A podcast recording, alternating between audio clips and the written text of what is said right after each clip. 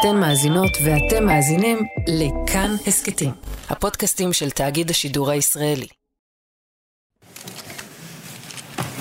רבותי השרים, מכובדיי כולם, אנשי התקשורת, לאחר שנועצתי עם נציגי כל הסיעות, הריני להודיע... היי, אתם על חיות כיס, אני שאול אמסטרדמסקי, ברוכים הבאים לבוקר שאחרי הבחירות. בידיו הפקדנו ברגע זה את כתב המינוי לנסות ולהרכיב את הממשלה הבאה. תכף זה יקרה. תכף יקרה מה שקרה כל כך הרבה בשנים האחרונות. תכף כל ראשי סיעות הכנסת יעלו לרגל אל בית הנשיא בירושלים, הם ישבו איתו שם, והם יספרו לו על מי הם ממליצים וממליצות להקים את הממשלה הבאה. ומיד אחרי שזה יקרה, לראש הממשלה המיועד יהיו 28 ימים, עם אופציה להארכה של שבועיים נוספים, לנסות להקים ממשלה. אז יתחיל המשא ומתן הקואליציוני. בשבועות הקרובים סביר מאוד להניח שתשמעו או תקראו שוב ושוב משפטים כמו התקדמות דרמטית במשא ומתן הקואליציוני, או פריצת דרך במשא ומתן הקואליציוני, וכמובן הלהיט, פיצוץ ענק במשא ומתן הקואליציוני, שלאחריו מגיעה, לפעמים, סגירה של הרגע האחרון במשא ומתן הקואליציוני. התהליך הזה, המשא ומתן הקואליציוני, הוא בדרך כלל תהליך סמוי מן העין, שקורה בחדרים סגורים, בירושלים או בכפר המכבייה ברמת גן. כשהוא נגמר בהסכם, יש ממשלה, וכשהוא מתפרק, אנחנו מוצאים את עצמנו בבחירות חדשות. אני לא מכיר הסכמים בעלי השפעה יותר גדולה מהסכמים קואליציוניים, חוץ מאולי הסכמי שלום. אין שום הסכם שמתקרב להסכמים הקואליציוניים. אז השבוע בחיות כיס, מסע אל תוך חדרי המשא ומתן הסגורים. מה קורה שם בפנים? מי האנשים שהעבודה שלהם היא לנהל משא ומתן ולהרכיב ממשלה? ואיך ההסכמים הקואליציוניים משנים לחלוטין את החיים של כולנו?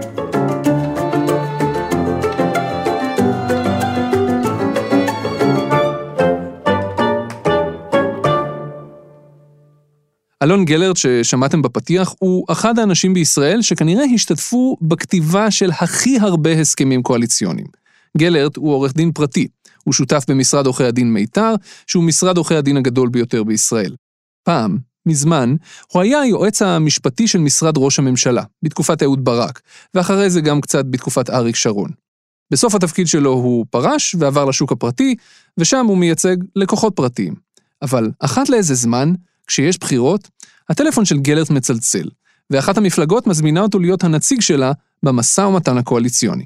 נטלתי חלק בכמה וכמה הסכמים קואליציוניים במהלך השנים אה, האחרונות וגם לפניהן. כמה?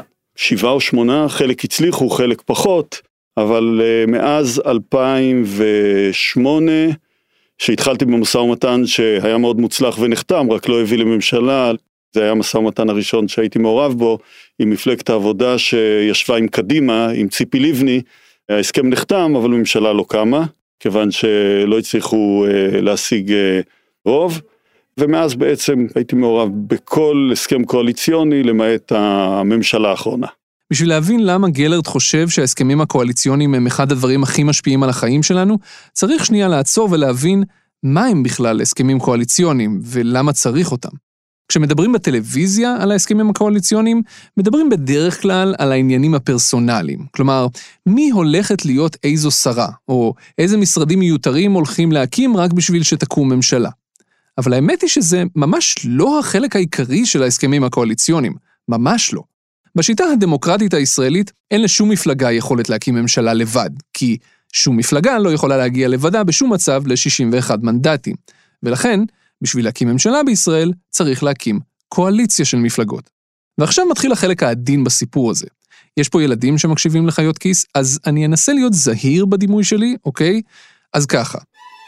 להקים קואליציה זה קצת כמו שני קיפודים שמנסים... שמנסים לעשות עוד קיפודים. סליחה, לא שני קיפודים, חמישה קיפודים, או שישה. חמישה או שישה קיפודים שמנסים לעלות אחד על השני בעת ובעונה אחת, במטרה לעשות עוד קיפודים. זה קשה, זה מסורבל, זה לא נעים, והרבה קיפודים יכולים להידקר בדרך. אז אותו דבר עם קואליציה. בשביל להקים קואליציה, ראש הממשלה המיועד צריך לשכנע מפלגות אחרות להצטרף. חלק מהן מאוד רוצות, אחרות ממש ממש רוצות, אבל מנסות לשחק אותה hard to get. אחרות רוצות, אבל לא רוצות לשבת עם מפלגות אחרות שרוצות, ואת כל הריקוד הזה צריך לרקוד בבת אחת, כולם ביחד. בשביל שהקסם הזה יעבוד, צריך משהו שיסנכרן בין כולם, בין כל הקיפודים האלה. והמשהו הזה הם ההסכמים הקואליציוניים. הם הדבק שאמור להחזיק את כל חלקי הקואליציה יחד, גם כשיש מפלגות שמרגישות שיש להן מה להרוויח יותר מלפרק את הקואליציה. ההסכמים הקואליציוניים קיימים מאז הממשלה הראשונה. אם תחפשו בגוגל הסכמים קואליציוניים, תוכלו למצוא את כולם באתר הכנסת. ואם תציצו בתוך ההסכמים הקואליציוניים, תוכלו לראות עד כמה ואיך הם השתנו עם השנים. למשל, פעם היה הרבה יותר דגש על אידיאולוגיה, ומשמעותית פחות על הפרקטיקה. כלומר, יותר דיברו על המה, ופחות דיברו על האיך. מה שהיה לב-ליבו של הסיפור היה בכלל מסמך קווי היסוד של הממשלה, שזה מסמך שיש בו עקרונות כמו שמירה על הסטטוס קוו בנושאי דת ומדינה, או עקרונות כמו יישוב הארץ. המסמך של ההסכם הקואליציוני עצמו היה הרבה יותר קצר. ההסכם הקואליציוני הראשון כלל עמוד אחד בלבד. היום, מסמך קווי היסוד של הממשלה הפך להיות מסמך של איזה עמוד או שניים שאף אחד לא באמת מתייחס אליו, וההסכמים הקואליציוניים הם הפכו להיות המנה העיקרית. הם הרבה יותר ארוכים, 20, 30 עמודים, אפילו יותר, והם סוג של תוכנית פעולה של הממשלה לקדנציה הקרובה. הם כוללים בתוכם את כל תוכניות העבודה של הממשלה בצורה מאוד מאוד מפורטת. ממש מפורטת. אם נפתח הסכם כזה, למשל את ההסכם הקואליציוני בין הליכוד לכחול לבן, נראה שיש בו כמה חלקים. קודם כל, יש את הסעיפים הפרסונליים, כמה תפקידים מקבלת כל מפלגה. למשל, סעיף 14 בהסכם בין הליכוד לכחול לבן מפרט איזה משרדי ממשלה תקבל מפלגת כחול לבן, וכמה תפקידי שרים וסגני שרים היא תקבל. אבל האמת היא שזה החלק הקל. רוב הסעיפים בהסכמים הקואליציוניים הם לא הסעיפים האלה. לא פרסונליים בכלל, אלא מקצועיים. יש המון סעיפים למשל שנוגעים לכסף, כספים קואליציוניים, כלומר כסף שמקבלות המפלגות שמרכיבות את הקואליציה למטרות שהן מעוניינות בהן, בתמורה לישיבה שלהן בקואליציה. וחוץ מזה, יש המון סעיפים שנוגעים לדברים מאוד מאוד קונקרטיים, שיש להם משמעות כלכלית משמעותית. העלות של ההסכם הקואליציוני של יהדות התורה עם הליכוד ב-2015 הייתה יותר מ-8 מיליארד שקלים. בקיצור, ההסכם הקואליציוני הוא חתיכת מסמך. רוצים עוד כמה דוגמאות? הנה עוד כמה דוגמאות. ב-2009, נתניהו חזר לראשות הממשלה. אני נרגש, כמו בפעם הראשונה, במובן מסוים אפילו יותר מהפעם הראשונה. אחרי כמה שנות אופוזיציה, לנתניהו נמאס. הוא רצה ממשלה. בשביל להרכיב ממשלה, הוא הבין שהוא יצטרך לשלם מחיר לא קטן. זו הייתה תקופת המשבר הכלכלי הגדול, ונתניהו רצה ממשלה יציבה, סוג של ממשלת קונסנזוס. ובשביל זה הוא רצה להכניס פנימה אפילו את מפלגת העבודה, שאז עוד מנתה 13 מנדטים. מי ששידך בין נתניהו למפלגת העבודה בראשות אהוד ברק, היה יושב ראש ההסתדרות דאז עופר עיני. התירוץ? משבר כלכלי חמור שמחייב עסקת חבילה כלכלית שתכלול גם את הממשלה, גם את התעשיינים וגם את ההסתדרות. היה לזה מחיר, ואפשר היה לראות אותו כבר בהסכם הקואליציוני בין הליכוד לעבודה. ההסכם הזה כלל 15 עמודים, וחלק גדול מהסעיפים שנמצאו שם הוכנסו על ידי יושב ראש ההסתדרות עצמו. סעיף 38 למשל, קבע שהממשלה לא תקצץ בשכר עובדי המגזר הציבורי למרות המשבר הכלכלי. או סעיף 39, שקבע שהממשלה לא תיגע בתנאי הפנסיה התקציבית של עובדי המדינה. אבל האמת שאת הדוגמה הכי טובה לאיך הסכמים קואליציוניים ממש שינו את פני החברה שאנחנו חיים בה, אפשר למצוא במחקר של דוקטור ענת פלדמן מהמכללה האקדמית אחווה. במחקר שלה, דוקטור פלדמן הראתה איך רשת החינוך של ש"ס, מעיין החינוך התורני, הוקמה ב-1987, בניגוד לחוק חינוך ממלכתי, אבל אחרי זה הצליחה לגדול ולהתרחב ולקבל תקציבים רק בזכות ההסכמים הקואליציוניים וההתחזקות של ש"ס. המהלך הזה התחיל לצבור תאוצה ב-1992, תחת ממשלת יצחק רבין. רבין הקים ממשלה צרה, שהיו חברות בה רק מרץ וש"ס, והמפלגות הערביות תמכו מחוץ לקואליציה. ורבין ידע שבממשלה צרה, בשביל לשמור על שלמות הקואליציה הקטנטנה שלו, הוא חייב לשלם מחיר משמעותי. אז הוא שילם אותו. אחד הסעיפים בהסכם הקואליציוני של העבודה וש"ס, קבע שלמרות שרשת החינוך של ש"ס הוקמה בניגוד לחוק, ולמרות שהדרג המקצועי במשרד החינוך התנגד לתקצב אותה, יוקם בכל זאת מנהל חינוך ותרבות חרדי בתוך משרד החינוך, שיישלט על ידי סגן שר מטעם ש"ס, שיהיה אחראי על רשת מעיין החינוך התורני. בהמשך הגיעו גם התקציבים. בהסכם הקואליציוני של 2009, ששם כבר אה, בממשלת נתניהו השנייה, נקבע שתקציב המוסדות התורניים ב-2009 ו-2010 יעמוד על סך 975 מיליון ש"ח לשנה, מתוכם 720 מיליוני ש"ח בבסיס התקציב. אגב, המילה בבסיס התקציב זה אלה שני מילים קטנות, פשוטות. אבל אין משמעותיות מהם, מכיוון שפעם כסף נכנס לבסיס התקציב, אלא אם יש איזה מהפך שלטוני דרמטי, הוא פשוט לא יוצא. אז פעם אחת נכנס 50 מיליון או 100 מיליון לבסיס התקציב, וכבר זה ירוץ לעולם ועד. ויש עוד דוגמאות. פנסיה חובה, כלומר העובדה שמעסיקים מוכרחים לחסוך לפנסיה לכל העובדים השכירים שלהם, זה התחיל בהסכם הקואליציוני בין קדימה לעבודה ב-2006. גם העלאת קצבאות הזקנה. העלאת שכר המינימום בהסכם הקואליציוני בין הליכוד לבין כולנו של משה כחלון ב-2015. גם הנומרטור, הכלי שמחייב את הממשלה לוודא איך ההחלטות התקציביות שלה בהווה משפיעות על העתיד, גם שם. אה, וגם יש את הסיפור המשונה על איך אהוד אולמרט נהיה ראש ממשלה. הכל בגלל סעיף 6, סעיף קטן 4, בהסכם הקואליציוני בין הליכוד לעבודה בהקמת ממשלת שרון השנייה ב-2005. במסגרת ההסכם עם העבודה, שמעון פרס אה, מונה בתור משנה ראש הממשלה. יו"ר העבודה חבר הכנסת שמעון פרס יכהן כמשנה לראש הממשלה ויהיה הבכיר בשרי הממשלה לאחר ראש הממשלה. כביכול הוא מספר שתיים. Mm-hmm. חלילה קורה משהו לראש הממשלה הוא נכנס במקומו, אבל יש סעיף קטן. ראש הממשלה הציג לאישור הממשלה, הקמת משרד ממשלתי נוסף, משרד המשנה לראש הממשלה, אבל מובהר כי למרות האמור בסעיף 6.1 אין בסמכויותיו של המשנה לראש הממשלה משום פגיעה כלשהי בסמכויות ממלא מקום ראש הממשלה על פי הקבוע בחוק. ובעצם עם הסעיף הקטן הזה, כאשר קרה מה שקרה לאריאל שרון, אהוד אולמרט נכנס לתפקיד ראש הממשלה הזמני והשאר הוא היסטוריה. מדהים. בקיצור, ההסכמים הקואליציוניים הם היסודות של הממשלה. כל ממשלה. וככל שהזמן עובר, הם נהיים הרבה יותר מפורטים. הם כוללים תקציבים וכספים קואליציוניים, ולכל מילה בהם יש משמעות אדירה לפעמים על החיים של כולנו פה, לעתים לדורי דורות קדימה. אז איך מייצרים את הנקניקייה הזאת?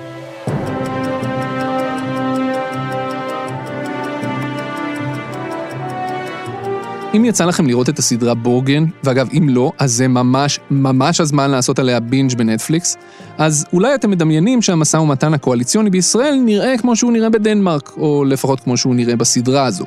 בבורגן, מי שמנהלים את המשא ומתן הם ראשי המפלגות עצמם.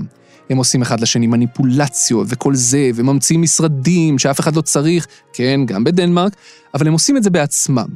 בישראל זה לא עובד ככה. שמי אביגדור יצחקי, ואני כיום יושב ראש מפעל הפיס ב-70% משרה. לפני שאביגדור יצחקי היה יושב ראש מפעל הפיס ב-70% משרה, הוא היה משהו אחר. הוא ניהל את מטה הדיור במשרד האוצר תחת השר משה כחלון. ולפני זה, הוא היה חלק מרכזי בצוות המצומצם שניהל את המשא ומתן הקואליציוני מטעם מפלגת כולנו של משה כחלון. וגם לזה הייתה סיבה. בנוסף לזה, סביב אה, משה כחלון היו חברים משותפים, מה שנקרא, אמרו לו שכדי לנהל את המשא ומתן הקואליציוני, בייחוד שאנחנו צריכים לעשות את זה מול הליכוד, ואני מכיר מאוד מאוד טוב את הליכוד ואת אנשיו, אז כדאי שהוא ייקח אותי, והוא כמובן שמח, ואני חושב שהתוצאות מדברות בעד עצמן.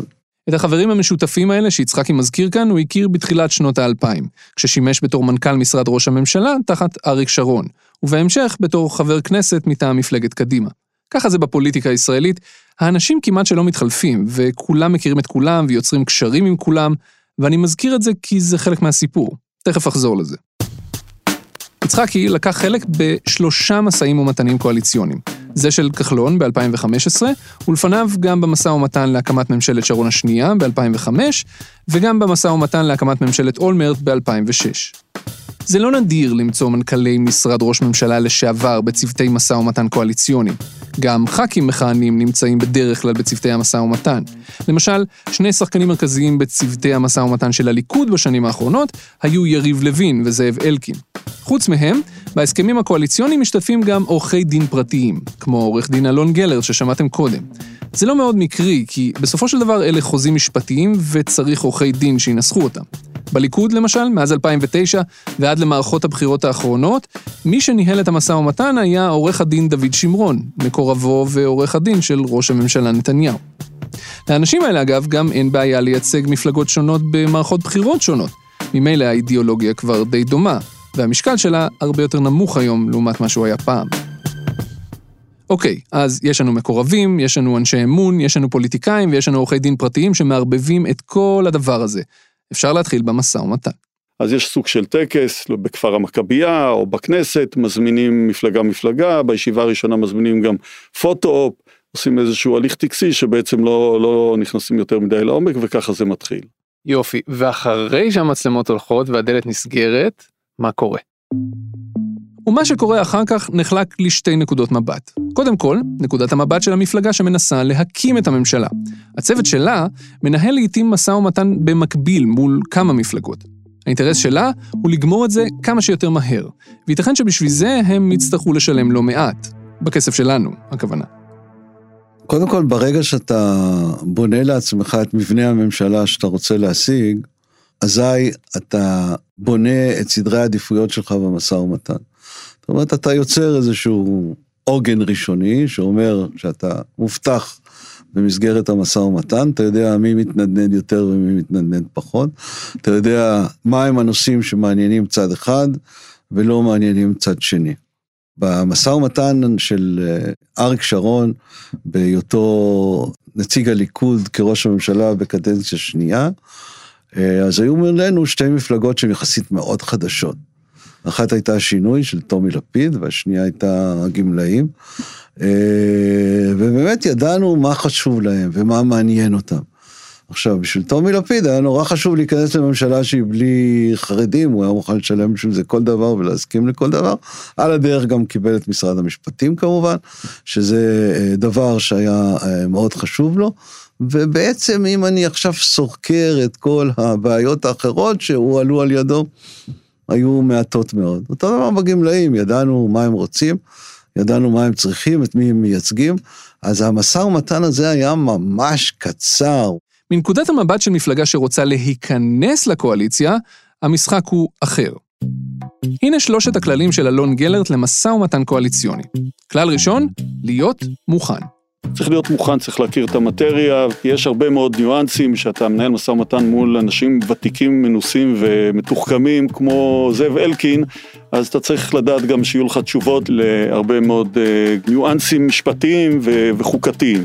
כלל שני הוא להביא מנוף, מנוף פוליטי, כזה שיאותת למפלגת השלטון שהיא צריכה לשלם מחיר גבוה בשביל להכניס אותך לקואליציה. לא תמיד יש לך, אבל אתה צריך מנוף. ככל שיש לך מנוף, אז גם היכולת שלך לקבל את מה שאתה רוצה יותר גדולה. זה, זה לא, לא צריך בשביל זה להיות uh, תלמיד שנה ב' אפילו. המנוף הכי טוב הוא פשוט הרבה מנדטים, אבל לפעמים גם מספר קטן של מנדטים יכול לעבוד. בעיקר אם בלעדיך אין קואליציה. זה מה שנקרא מפלגת לשון מאזניים. אוקיי, כלל שלישי, להיות מוכן להפסיד. הדבר השלישי הוא מוכנות באמת. שאם הדברים לא הולכים כמו שאתה רוצה, פשוט לשבור את הכלים ולהגיד, אוקיי, אני לא במשחק. בעיניי, באופן כללי, כמעט תנאי יסוד למשא ומתן מוצלח, לאו דווקא בקואליציונר בכלל, זה מוכנות עם עצמך לדעת שאם הדברים לא הולכים, אוקיי, לא קרה שום דבר, לא חייבים אה, להתחתן ולעשות עסקה. לפי יצחקי, למפלגה שרוצה להיכנס לקואליציה, יש עמדה אחת שהכי טוב להיות בה יותר מכל עמדה אחרת. שאתה חלק מהקואליציה הברורה של מפלגת השלטון. זאת אומרת, אם אתה חלק מהקואליציה הברורה, כולם חושבים שאתה בעצם אין לך יכולת סחיטה כזאת או אחרת, זה ממש טעות נוראית. ראש הממשלה המיועד מעדיף לתת כמה שיותר ולרצות כמה שיותר את אותן מפלגות שמראש הולכות איתו ביחד, ולא את אלה שמנסות לסחוט ממנו דברים שהוא לא היה רוצה לתת להם במצב אחר. מה שנקרא השותפים הטבעיים? השותפים הטבעיים בדרך כלל נהנים הרבה יותר מאשר שותפים שהם לא טבעיים. זה אולי מסביר אגב למה בשנים האחרונות המשא ומתן של המפלגות החרדיות מול הליכוד תמיד היה כל כך פשוט. האם יש דרמות גדולות במשא ומתן הקואליציוני? יש, אבל לפעמים הן פשוט חלק מהטקטיקה של המשא ומתן. קודם כל יש גם צעקות, ויש גם הפיכת שולחנות, אני זוכר אחת הפעמים שישבו מולך אנשים שהם בסך הכל חברים שלך, זה לא אנשים שאתה כועס עליהם באיזושהי דרך, וכל אחד רוצה להיות מופלא בתחומים האלה. ואתה אומר, לא אתה תלמד אותי ולא אני אלמד אותך, אז אל בוא, אה, לא נתווכח על הדברים האלה. והיו פעמים שפוצצתי ישיבות, או מישהו אחר פוצץ ישיבות, והחלטתי שאנחנו לא ממשיכים יותר בישיבה, אבל זה, זה מין דינמיקה שחייבת לקרות, כי אה, כמו תמיד האגואים משחקים אה, בצורה כזאת או אחרת, אבל בסופו של דבר הדברים הם מאוד ענייניים. אגב, ענייניים זה מושג יחסי. הנה למשל, אביגדור יצחקי נזכר באחת הדרמות שהיו סביב סוגיה די שולית. יריב לוין למשל, היה הכי חשוב לו המיסים על השחקנים הזרים, כי הוא אוהד הפועל, ורצה לדפוק את מכבי. לא, זה זוטות אמיתיות, אני לא צוחק, אני לא אומר לך את זה סתם. אז המשא ומתן מתקדם, הוא מתקדם, יש עוד פגישה ועוד טלפון, לפעמים בכפר המכבייה, לפעמים בבית של ראש הממשלה, לפעמים במקומות אחרים. אחרי כל ישיבה, צוותי המשא ומתן מעדכנים את ראשי המפלגות על מה שסיכמו ועל מה שעוד פתוח, מנסים לצמצם פערים מפגישה לפגישה, ואחרי כמה פגישות מגיעים כבר לסוף. לפעמים זה עובד חלק כמו חמאה, כמו במקרה של המפלגות החרדיות, ולפעמים זה קצת יותר קשה בסוף. זה למשל היה המקרה במשא ומתן של כחלון מול נתניהו ב-2015. לכחלון היו לא מעט דרישות. למשל, הוא דרש לקבל את מה שהוא קרא לו ארגז הכלים. כלומר, המון המון סמכויות בתחום הדיור שהיו בכלל במשרדים אחרים. למשל, הוציאו בשבילו, ממש הוציאו, את מינהל התכנון מתוך משרד הפנים והעבירו למשרד האוצר. וזה לא היה קל, כי סילבן שלום, שהיה שר הפנים, ממש רצה לשמור על זה. אבל חוץ מזה, בגלל שכחלון עמד להתמנות לתפקיד שר האוצר, אנשי המשא ומתן שלו אמרו לו שאם הוא לא יכניס כמה סעיפי מפתח לתוך ההסכם הקואליציוני, הוא אחרי זה מאוד מאוד יתקשה לתפקד בתור שר אוצר. אז הם הכניסו. סעיף 27 בהסכם בין כולנו לליכוד קובע למשל, שאם תהיה זו החלטת ממשלה או הצעת חוק שתעלה יותר מעשרה מיליון שקלים שלא תהיה מקובלת על משרד האוצר, אז יהיה מנגנון מיוחד של בוררות בין הממונה על התקציבים באוצר לבין מנכ"ל משרד ראש הממשלה, ואם אפילו זה לא יעבוד, אז זה יעלה לרמת שר האוצר וראש הממשלה בעצמם. וכחלון נופף בסעיף הזה מול ראש הממשלה יותר מפעם אחת לאורך הקדנציה. הישיבה האחרונה, חתמנו ב, נניח בארבע או חמש אחרי צהריים על ההסכם, בסוף נשארו לא מעט עניינים פתוחים. בשש בבוקר אה, התיישבנו, אני ועוד אה, חבר צוות משא ומתן אצל דוד שמרון במשרד, בשש בבוקר. עד שתיים ישבנו על כל הנושאים והצלחנו לסגור את כל הפערים. זה מרים טלפון לפה, זה מרים טלפון לפה, סוגר את כל הפערים ונשארו שני נושאים פתוחים. המחלוקת הראשונה הייתה פסקת ההתגברות. אנחנו שומעים על זה הרבה בחדשות, אז אחת ולתמיד, מה זה בכלל אומר, פסקת ההתגברות? זה אומר שהכנסת מכניסה סעיף בתוך אחד מחוקי היסוד, שקובע שהכנסת יכולה לחוקק חוק שמנוגד לאותו חוק יסוד. למה ראש הממשלה רוצה פסקת התגברות?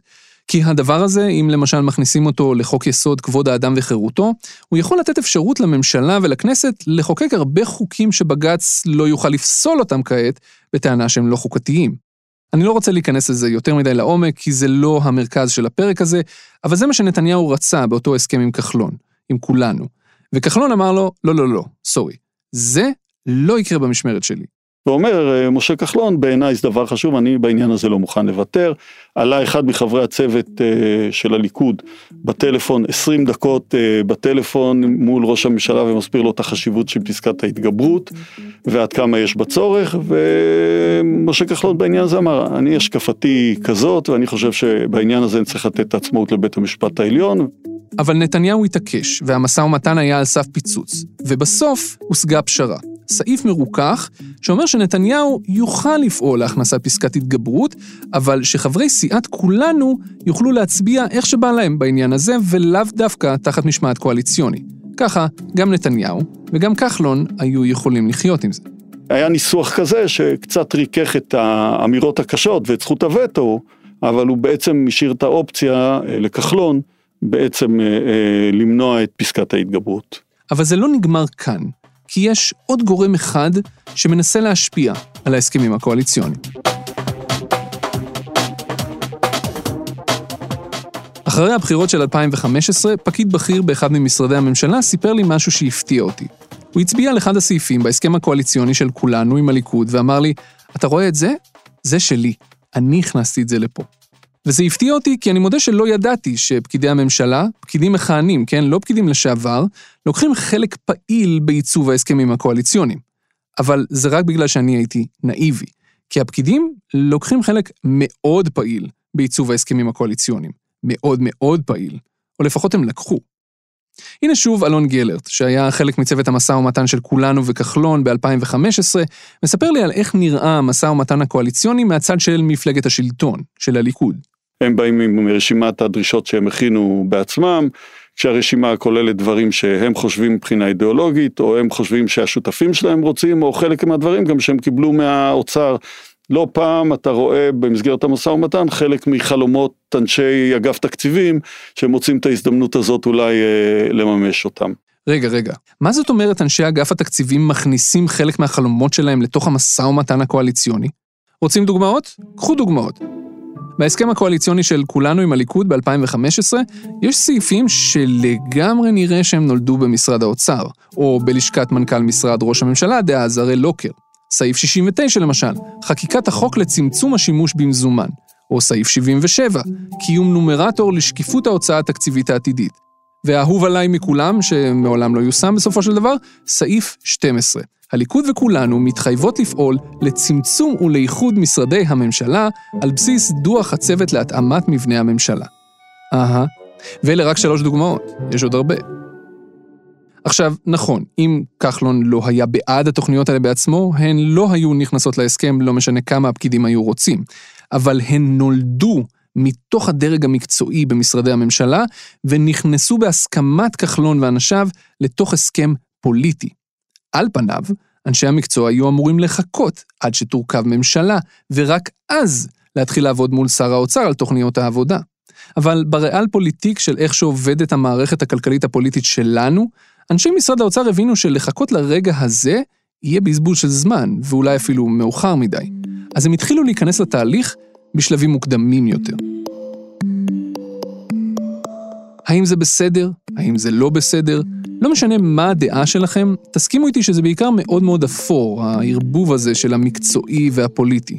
וזה גם מה שחשב היועץ המשפטי לממשלה, או ליתר דיוק, המשנה שלו, אבי ליכט. אחרי הקמת הממשלה ב-2013, ליכט חשב שההסתובבות של פקידי אגף התקציבים בין חדרי המשא ומתן בכפר המכבייה קצת עברה את הגבול, ושזה לא הגיוני שהפקידים יכניסו דברים באופן יזום פנימה, לתוך ההסכמים. אז הוא כתב נוהל, וקבע שהפקידים לא יוכלו לעשות את זה. אני לא אלאה אתכם בכל הגלגולים שהנוהל הזה עבר, והוא עבר.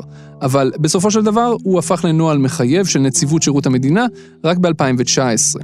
והיום, לפחות באופן רשמי, לפקידים אסור ליזום שום דבר ולקחת חלק פעיל במשא ומתן.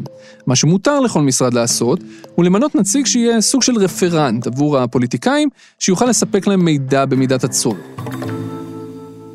מכל האנשים שדיברתי איתם על מה שקרה במשאים ומתנים הקואליציוניים של 2019 ו-2020, כולם אמרו לי שמאז שהנוהל הזה גובש, הוא מיושם. כלומר שהפקידים הרבה יותר נזהרים היום, ושמשתדלים באמת רק לתת מידע על הצעות שעולות, ולא לקדם הצעות פנימה. האם זה טוב או רע? האם הרווחנו או הפסדנו? אני אשאיר לכם לשפוט. בסופו של דבר ההסכם הקואליציוני הוא מסמך משפטי, אבל אין לו באמת תוקף משפטי. הוא לא באמת מחייב את הפקידים או את הממשלה בשום צורה. הוא כלי פוליטי, שנועד לשרת מטרות פוליטיות של הפוליטיקאים. אבל אם להסכמים אין באמת תוקף משפטי, אלא רק פוליטי, עד כמה הם מתממשים בכלל? אז במילה אחת התשובה היא המון. אבל האמת היא שצריך להסתכל על הנתונים האלה מקרוב בשביל להבין את הניואנסים של התשובה הזו. 72% מהסעיפים קוימו, 9% אה, לא קוימו ו-19% קוימו חלקית. ולגבי המפלגות גם, יהדות התורה וש"ס גם ראיתי, 69% מההתחייבויות קוימו. לכן בסך הכל מרבית ההסכמים בסופו של דבר מקוימים, וחלק מאלה שלא מקוימים כי לא כך התכוונו לקיים אותם. כל האנשים שדיברתי איתם עכשיו, ב-2021, בשביל להכין את הפרק הזה, העריכו שההסכמים הקואליציוניים שייחתמו עכשיו, אם אכן מי שיקבל את המנדט יצליח בכלל להקים ממשלה, יהיו מאוד מאוד מפורטים. ושזה בדיוק מה שיקרה עכשיו, שההסכמים הקואליציוניים יהיו בעצם הכנה לתקציב המדינה לשנים 2021-2022,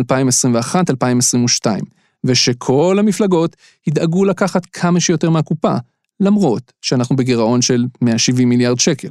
אכול ושתו, כי מחר יש עוד בחירות. מתישהו, אולי, הפוליטיקאים שלנו יתחילו להתעניין בבעיות של הטווח הארוך, ולא יחפשו רק להשיג הישגים סמליים בטווח הקצר. אוקיי, okay, איזה שאלות הייתי צריך לשאול ולא שאלתי? איזה דברים היו חשובים לך להגיד ולא דיברנו עליהם? לפי דעתי אתה כשיר אה, כרגע לנהל משא ומתן קואליציוני.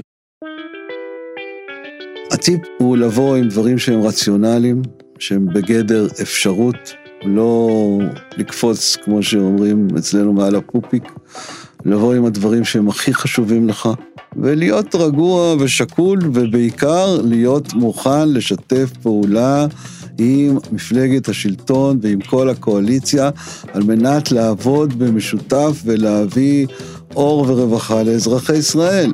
אם אתה בא מראש בשביל לריב, אל תבוא.